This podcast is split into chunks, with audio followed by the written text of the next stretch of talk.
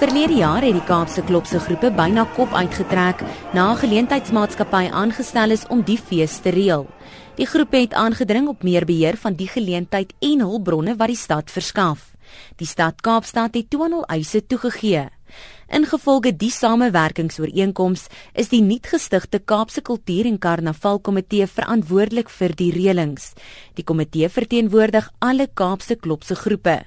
Die burgemeester van Kaapstad, Patricia de Lille, sê langtermynbeleidsverandering is nodig. Since 2011, we have engaged in ongoing discussions to ensure the continued success of the event and establishing the best model for the planning, management and hosting of the annual Minstrel Carnival Die stad Kaapstad en die provinsie het saam 6 miljoen rand beskikbaar gestel vir die geleentheid. Die provinsiale minister van kultuursake, Noma French Mbombo, sê die regering het 'n plig om die provinsie se kultuur en erfenis te bewaar. It's not only the Western Cape but also across international people, other provinces they look forward to see this event.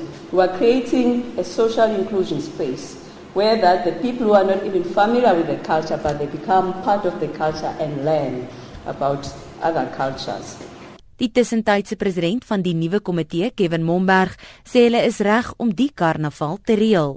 We are prepared because we do it every year. Even the organizer comes to us for help. So we were the organizers in the shadows all the years. So yes, we've got maybe the logistics is going to be a bit of a headache, but we're up for the challenge, and, and yes, I'm sure we will, we will get there.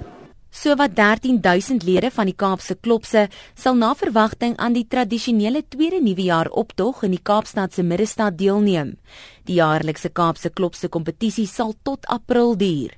Hierdie verslag van Tandiswa Mau in Kaapstad. Ek is Melissa Tuggie in Johannesburg.